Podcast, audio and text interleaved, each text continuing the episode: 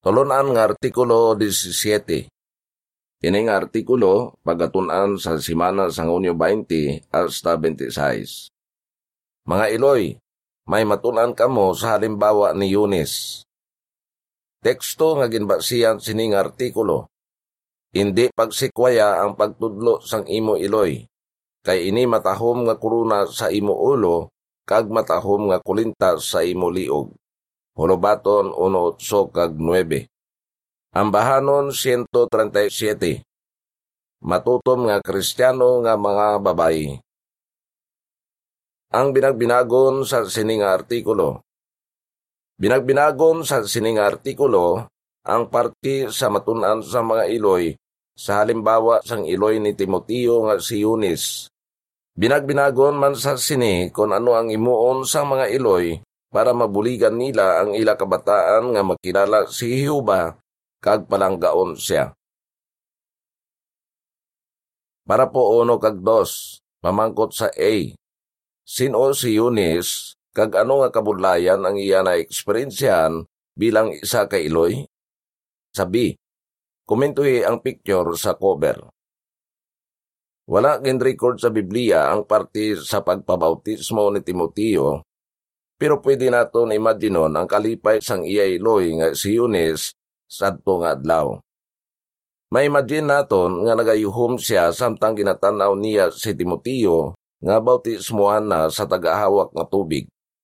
Makita sa iya mga mata nga ginapabugal niya ang iya bata kag ara sa tupad niya ang lula ni Timoteo nga si Loida. Naginhawa sing madalom si Eunice ang gintumoy na sa tubig si Timoteo. Mabatean niya ang tubig sang nagbutwa na si Timoteo, kag nakita niya nga grabe gid ang kalipay ni Timoteo. Hindi na mapunggan ni Eunice ang iyaluha bangod sang iya kalipay. Bisan pa mabudlay ang pagtudlo sa kabataan, madinalagon nga natudloan ni Eunice ang iya bata nga parang gaon si Yuba, kag ang iya anak nga si Kristo. Ano nga mga kabudlayan ang na-experiensyahan ni Eunice samtang ginatudluan niya ang iya bata? Ang caption sang picture sa cover nagasiling. Nalipay gid ang iloy ni Timoteo nga si Eunice kag ang iya lula nga si Loida samtang ginatanaw nila siya nga ginabautismuhan. Hindi pareho ang reliyon sa mga ginikanan ni Timoteo. Grigo ang iya amay, pero Hudiyo ang iya iloy kag lula. Posible nga teenager pa lang si Timoteo sang nangin kristyano si Eunice kag si Loida. Pero wala nangin kristyano ang iya amay. Ano nga reliyon ang pilion ni Timoteo? Posible nga ara na siya sa husto nga edad para magdesisyon. Pilion bala niya ang reliyon sang iya amay? Sundon bala niya gihapon ang mga tradisyon sa mga Hudiyo nga gintudlo sa iya sugod sang gamay pa siya? Ukon pilion bala niya nga mangin disipulo ni Iso Kristo? Para po tres, pamangkot. Suno sa ulubaton unot so kag nuebe, paano ginatamod ni Hiuba ang ginahimo sa mga iloy para buligan ang ila kabataan nga mangin suod sa iya? Subong, palangga man sang kristyano nga mga iloy ang ila pamilya ang pinakagusto gid nila nga himuon amo ang buligan ng ila kabataan nga manginsuod kay Jehova. Kag ginapabaluran gid sang aton Dios ang ila mga pagpanikasog. Ang hulubaton 1.8 kag 9 nagasiling. Anak ko, pamatii ang disiplina sang imo amay, kag indi pagsikwaya ang pagtudlo sang imo iloy. Kay ini matahom nga kuruna sa imo ulo kag matahom nga kulinta sa imo liog. Madamo na nga iloy ang gingiyahan ni Jehova para matudloan nila ang ila kabataan nga batunon ang kamaturan. Para po 4, pamangkot. Ano nga mga kabudlayan ang naeksperiensyahan sa mga iloy? Natural lang nga magpalibog kung kay isa ang isa ka iloy kung bala magalagad man kay Hiuba ang iya kabataan pareho sa ginhimo ni Timoteo. Kay man, kabalo ang mga ginikanan kung daw ano kabudlay batuan ang impluensya sang kalibutan ni Satanas sa ila kabataan. Madamo man nga iloy ang nabudlayan sa pagpadako sang ila kabataan, bangon wala na sila sing bana o kung hindi alagad ni Hiuba ang ilabana. Halimbawa, ang isa ka sister nga si Christine nagsiling. Maayo nga amay ang akon bana, kag palangga niya ang amon pamilya. Pero hindi gid niya gusto nga tudloan ko ang amon kabataan, parti sa kamaturan kag mangin saksi ni Hiuba sila. Sa sulod sa madamo nga tinuig, pirmi ako nagahibi kay ginapaligban ko kung paano ko mabuligan ang amon kabataan nga magalagad kay Hiuba. Para po 5. Pamangkot. Ano ang binagbinagon naton sa sining artikulo? Kung isa ikaw ka kristyano nga iloy, masarangan mo man nga himuon ang ginhimo ni Yunis. Sa sining artikulo, binagbinagon naton kung paano mo mailog ang iya halimbawa sa pagtudlo sa imo kabataan paagi sa imo ginasiling ka ginahimo. Binagbinagon man naton kung paano kabuligan ni Jehova tudloi ang imo kabataan paagi sa imo ginasiling. Para po sa pamangkot. Base sa ikaduhang Timoteo 3.14 kag 15, paano nangin kristyano si Timoteo? Sang gamay pa si Timoteo, ginhimo sang iya iloy ang iya bugos nga masarangan para tudluan siya parti sa pagangop sa mga Hudiyo sa balaan nga mga sinulatan. Limitado lang ang ihibalo sang iya iloy kay wala siya sing nabalaan parti kay Kristo. Pero bastante na ang natunan ni Timoteo halin sa kasulatan para makumbinsi siya nga mangin kristyano. Pero pilion gid bala niya nga mangin kristyano? Bilang isa ka pamatanon, makapili siya kung bala gusto niya mangin kristyano o kung hindi. Sigurado gid nga nakabulig ang mga pagpanikasog sang iloy ni Timoteo para mabuyok siya nga patihan ang kamaturan parti kay Hesus. Ang ikaduang Timoteo 3.14 kag 15 nagasiling. Apang, magpadayon ka sa mga butang nga imo natunan kag nabuyok ka nga patihan nga nakahibalo kung kay sino mo natunan ini kag kutob sa pagkalapsag naibaluan mo ang balaan nga mga sinulatan nga makapaalam sa imo para sa kaluwasan paagi sa pagtuo kay Kristo Hesus. Nalipay gid si Eunice kay gintudloan niya ang iya bata parti kay Hiuba bisan pa nga mabudlay ini himuon. Ang ngalan nga Eunice nagalin sa tinaga nga nagakahulugan sing nagdaog kag matuod gid nga nagdaog niya ang mga kabudlayan sa pagtudlo kay Timoteo. Para po 7. Pamangkot. Paano mabuligan ni Yunis ang iyabata nga mag-uswag pagkatapos mabautismuhan ang iyabata? Importante gid ang ginimo ni Timoteo nga pagpabautismo. Pero nabalakag yapon si Yunis bisan pa bautismado na ang iyabata. Ano ang panikasugan nga himuon sang iyabata sa bilog niya nga kabuhi? Ano abi kung magupod siya sa malain nga kaupdanan kag maimpluensyahan nila siya?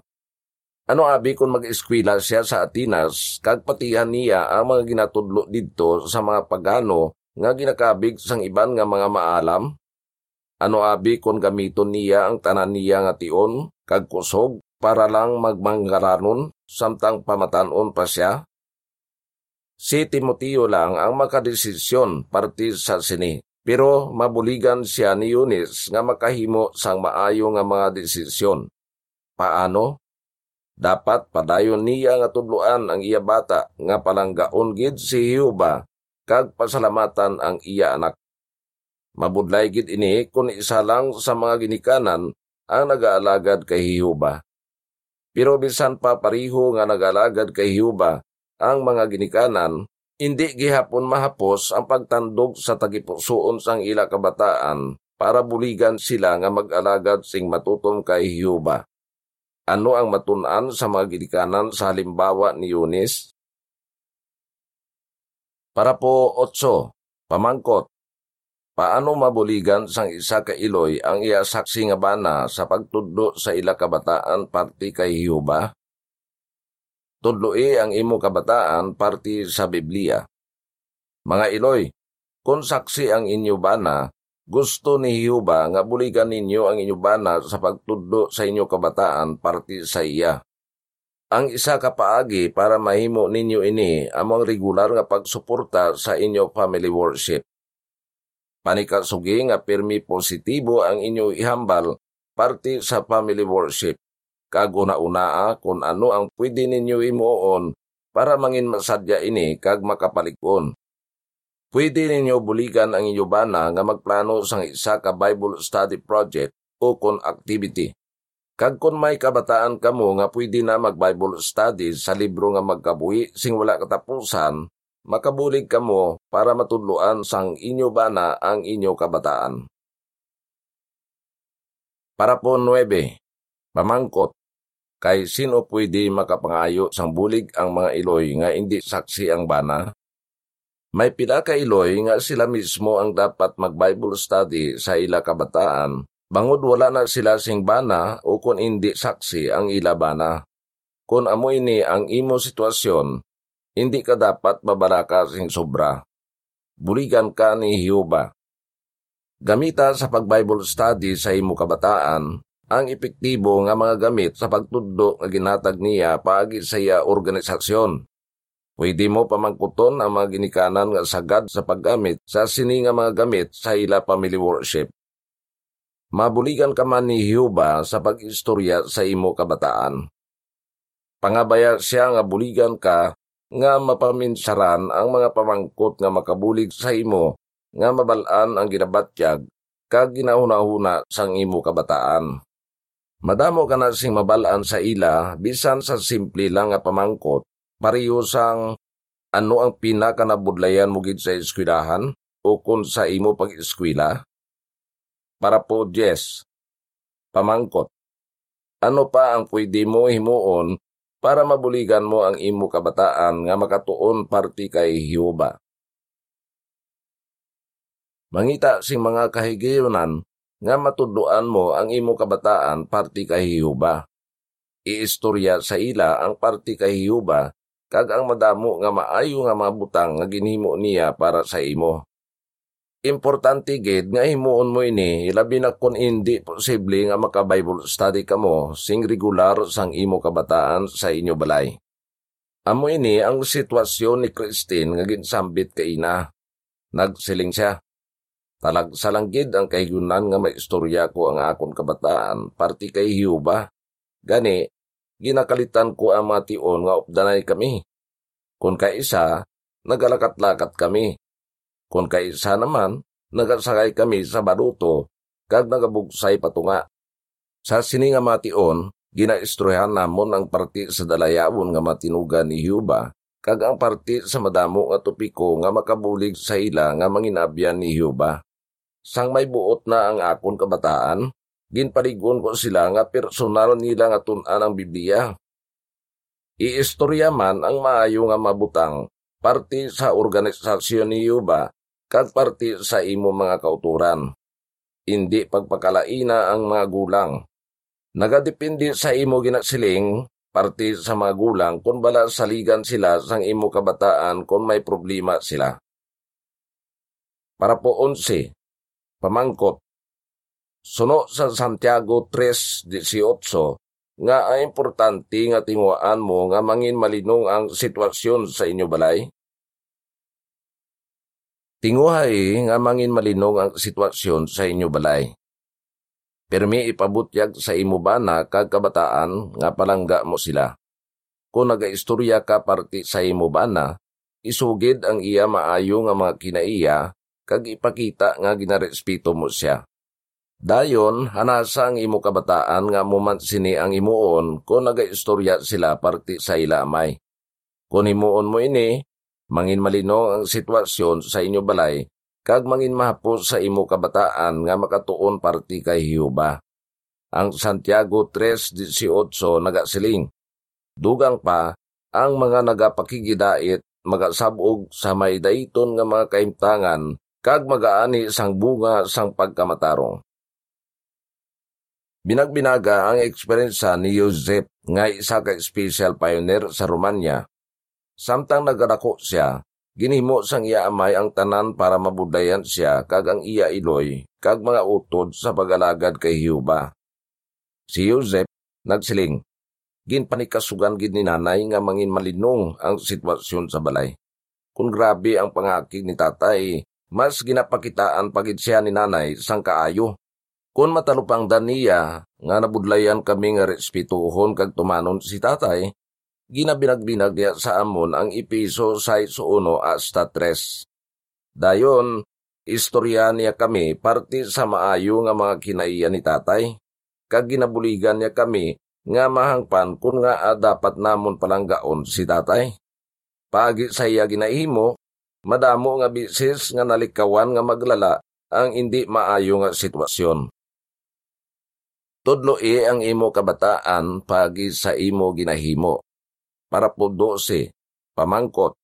Suno sa ikaduhang Timoteo 1.5, ano ang epekto kay Timoteo sa ngalimbawa ni Eunice?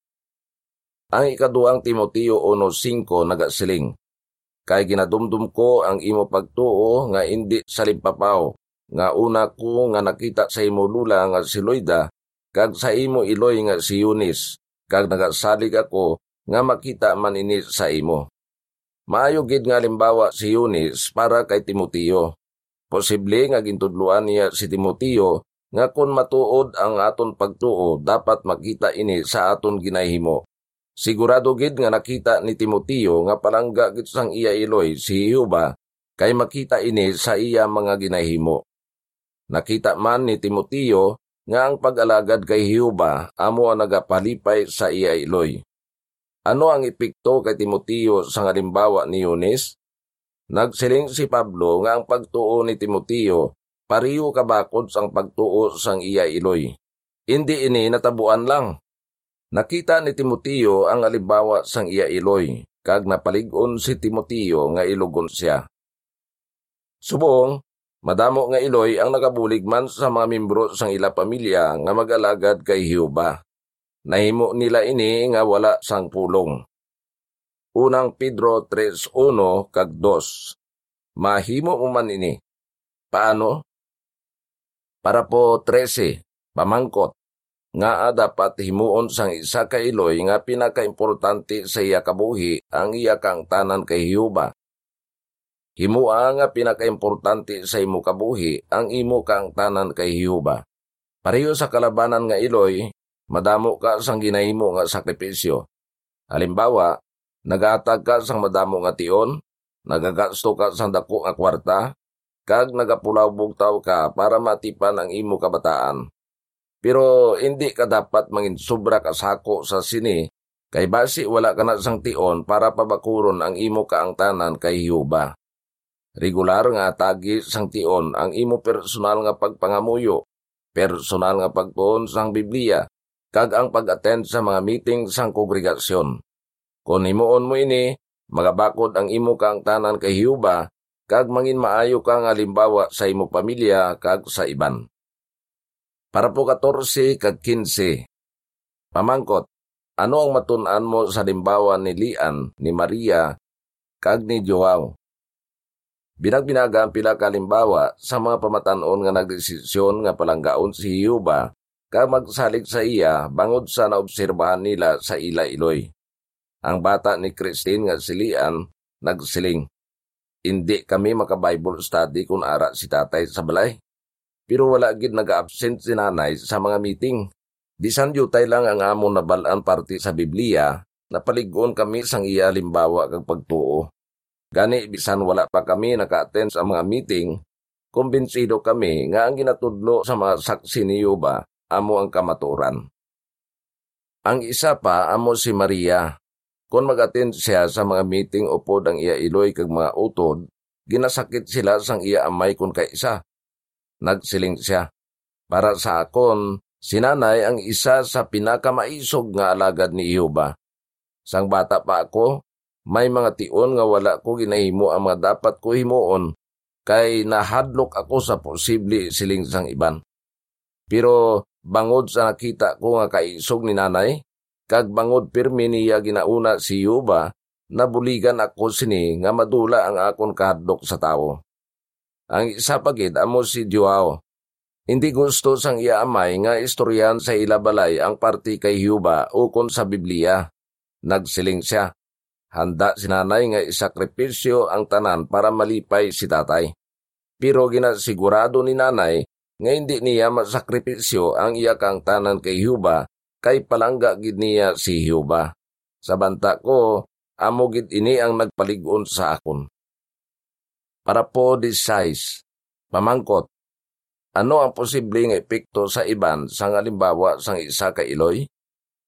Mga iloy, tandain ninyo nga may epekto sa iban ang inyo halimbawa. Nga masiling naton ini, Binagbinaga ang epekto kay Apostol Pablo sa halimbawa ni Yunis.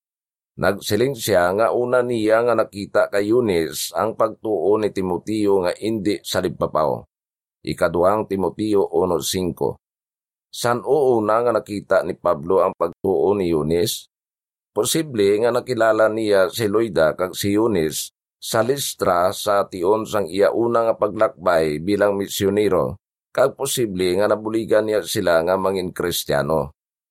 Huna-una ini, sanggin sulatan ni Pablo si Timoteo pagligad sang 15 katuig, nadumduman gyapon ni Pablo ang mga ginhimo ni Yunis bangod sang iya pagtuo. Ginsambit man niya si Yunis bilang isa kalimbawa nga dapat ilugon. Ginapakita sini nga napaligon gid si Pablo sa iya limbawa kag posible pati man ang madamo nga kristyano sadto nga tion. Kung wala na kamo sing bana o kung hindi saksi ang inyo bana, pero ginapanikasugan ninyo nga padakuon ang inyo kabataan, makasalig kamo nga makapaligon sa iban ang inyo halimbawa sang pagtuo. Para po 17, pamangkot, ano ang dapat mo himuon kung daw hindi gusto sang imubata nga mag-alagad kay Huba bisan pa sang imo mga pagpanikasog? Pero ano abi kung daw hindi gusto sang imo bata nga mag-alagad kay Yuba, bisan pa sang imo mga pagpanikasog? Tandai nga nagakinanglan sang tion ang paggana sa bata. Halimbawa, base sa makita sa picture, kung nagtanom ka sang binhi, posible ginapaminsar mo kung kaisa, kung bala magatubo ini kag magapamunga sa ulihi. Bisan pa hindi ka sigurado kung ano ang matabo sa imo gitanom. Padayon mo ini nga ginabunyagan, kay gusto mo imuon ang imo bugos nga masarangan para magtubo ini. Bilang isa ka iloy, posible ginapaminsar mo man kung kaisa kung bala ang imo ginatudlo sa imo kabataan naglabot gid sa ila tagipusoon.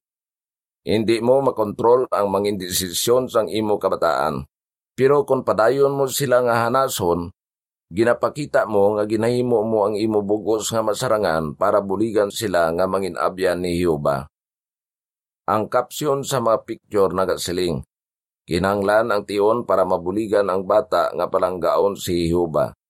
Hindi maguntat sa paghanas sa imo bata. Magsalig nga buligan ka ni Hiuba. Para po 18, pamangkot, Paano mabuligan ni Huba ang imo kabataan para manginabyan niya sila? Sugod pa sang panahon sang Biblia, madamo na nga pamatanon ang ginbuligan ni Huba para manginabyan niya sila. Gani, kung gusto git sang imo kabataan nga manginabyan si Huba, buligan man niya sila. Bisan pa daw wala ginaseryoso sang imo kabataan ang pag-alagad kay Huba, palangga niya sila gihapon. Kung may makita si Yuba bisan gamay lang nga pamatuod nga may usto sila nga panimuot, buligan niya sila dayon para manginabyan niya sila.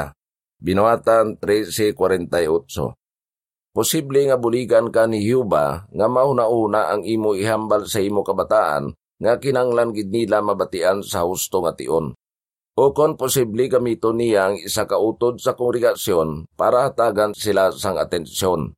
Kung magdalag ko na imo kabataan, posible ipahanumdum sa ila ni Yuba ang imo mga gintudlo sa ila sang una. Kung padayon mo nga hanason ang imo kabataan pagi sa imo ginasiling ka ginahimo, padyaan ni Yuba ang imo mga pagpanikasog. Para po 19, pamangkot, nga makasalig ka nga nalipay sa imo si Yuba, Palangga ka ni Yuba bisan anuman ang mangin desisyon sang imo kabataan. Palangga ka niya kay palangga mo siya. Kung wala ka na sing bana, nagapromisa si Yuba nga manginamay siya sang imo kabataan kag amligan kaniya. Wala kasing kontrol kung bala magalagad kay Yuba ang imo kabataan o kung hindi. Pero kung padayon ka nga magsalig nga buligan ka ni Yuba, kagimuon mo ang imo bugos nga masarangan, malipay sa imo si Yuba. Ano ang imo sabat? Paano matudluan sa mga iloy ang ila kabataan pagi sa ila ginasiling? Paano matudluan sa mga iloy ang ila kabataan pagi sa ila ginahimo? Paano mapakita sa mga iloy nga nagasalig sila nga buligan sila ni Yuba? Ang bahanon 134 Ang mga kabataan palanoblion halin sa Diyos. Diri natapos ang artikulo.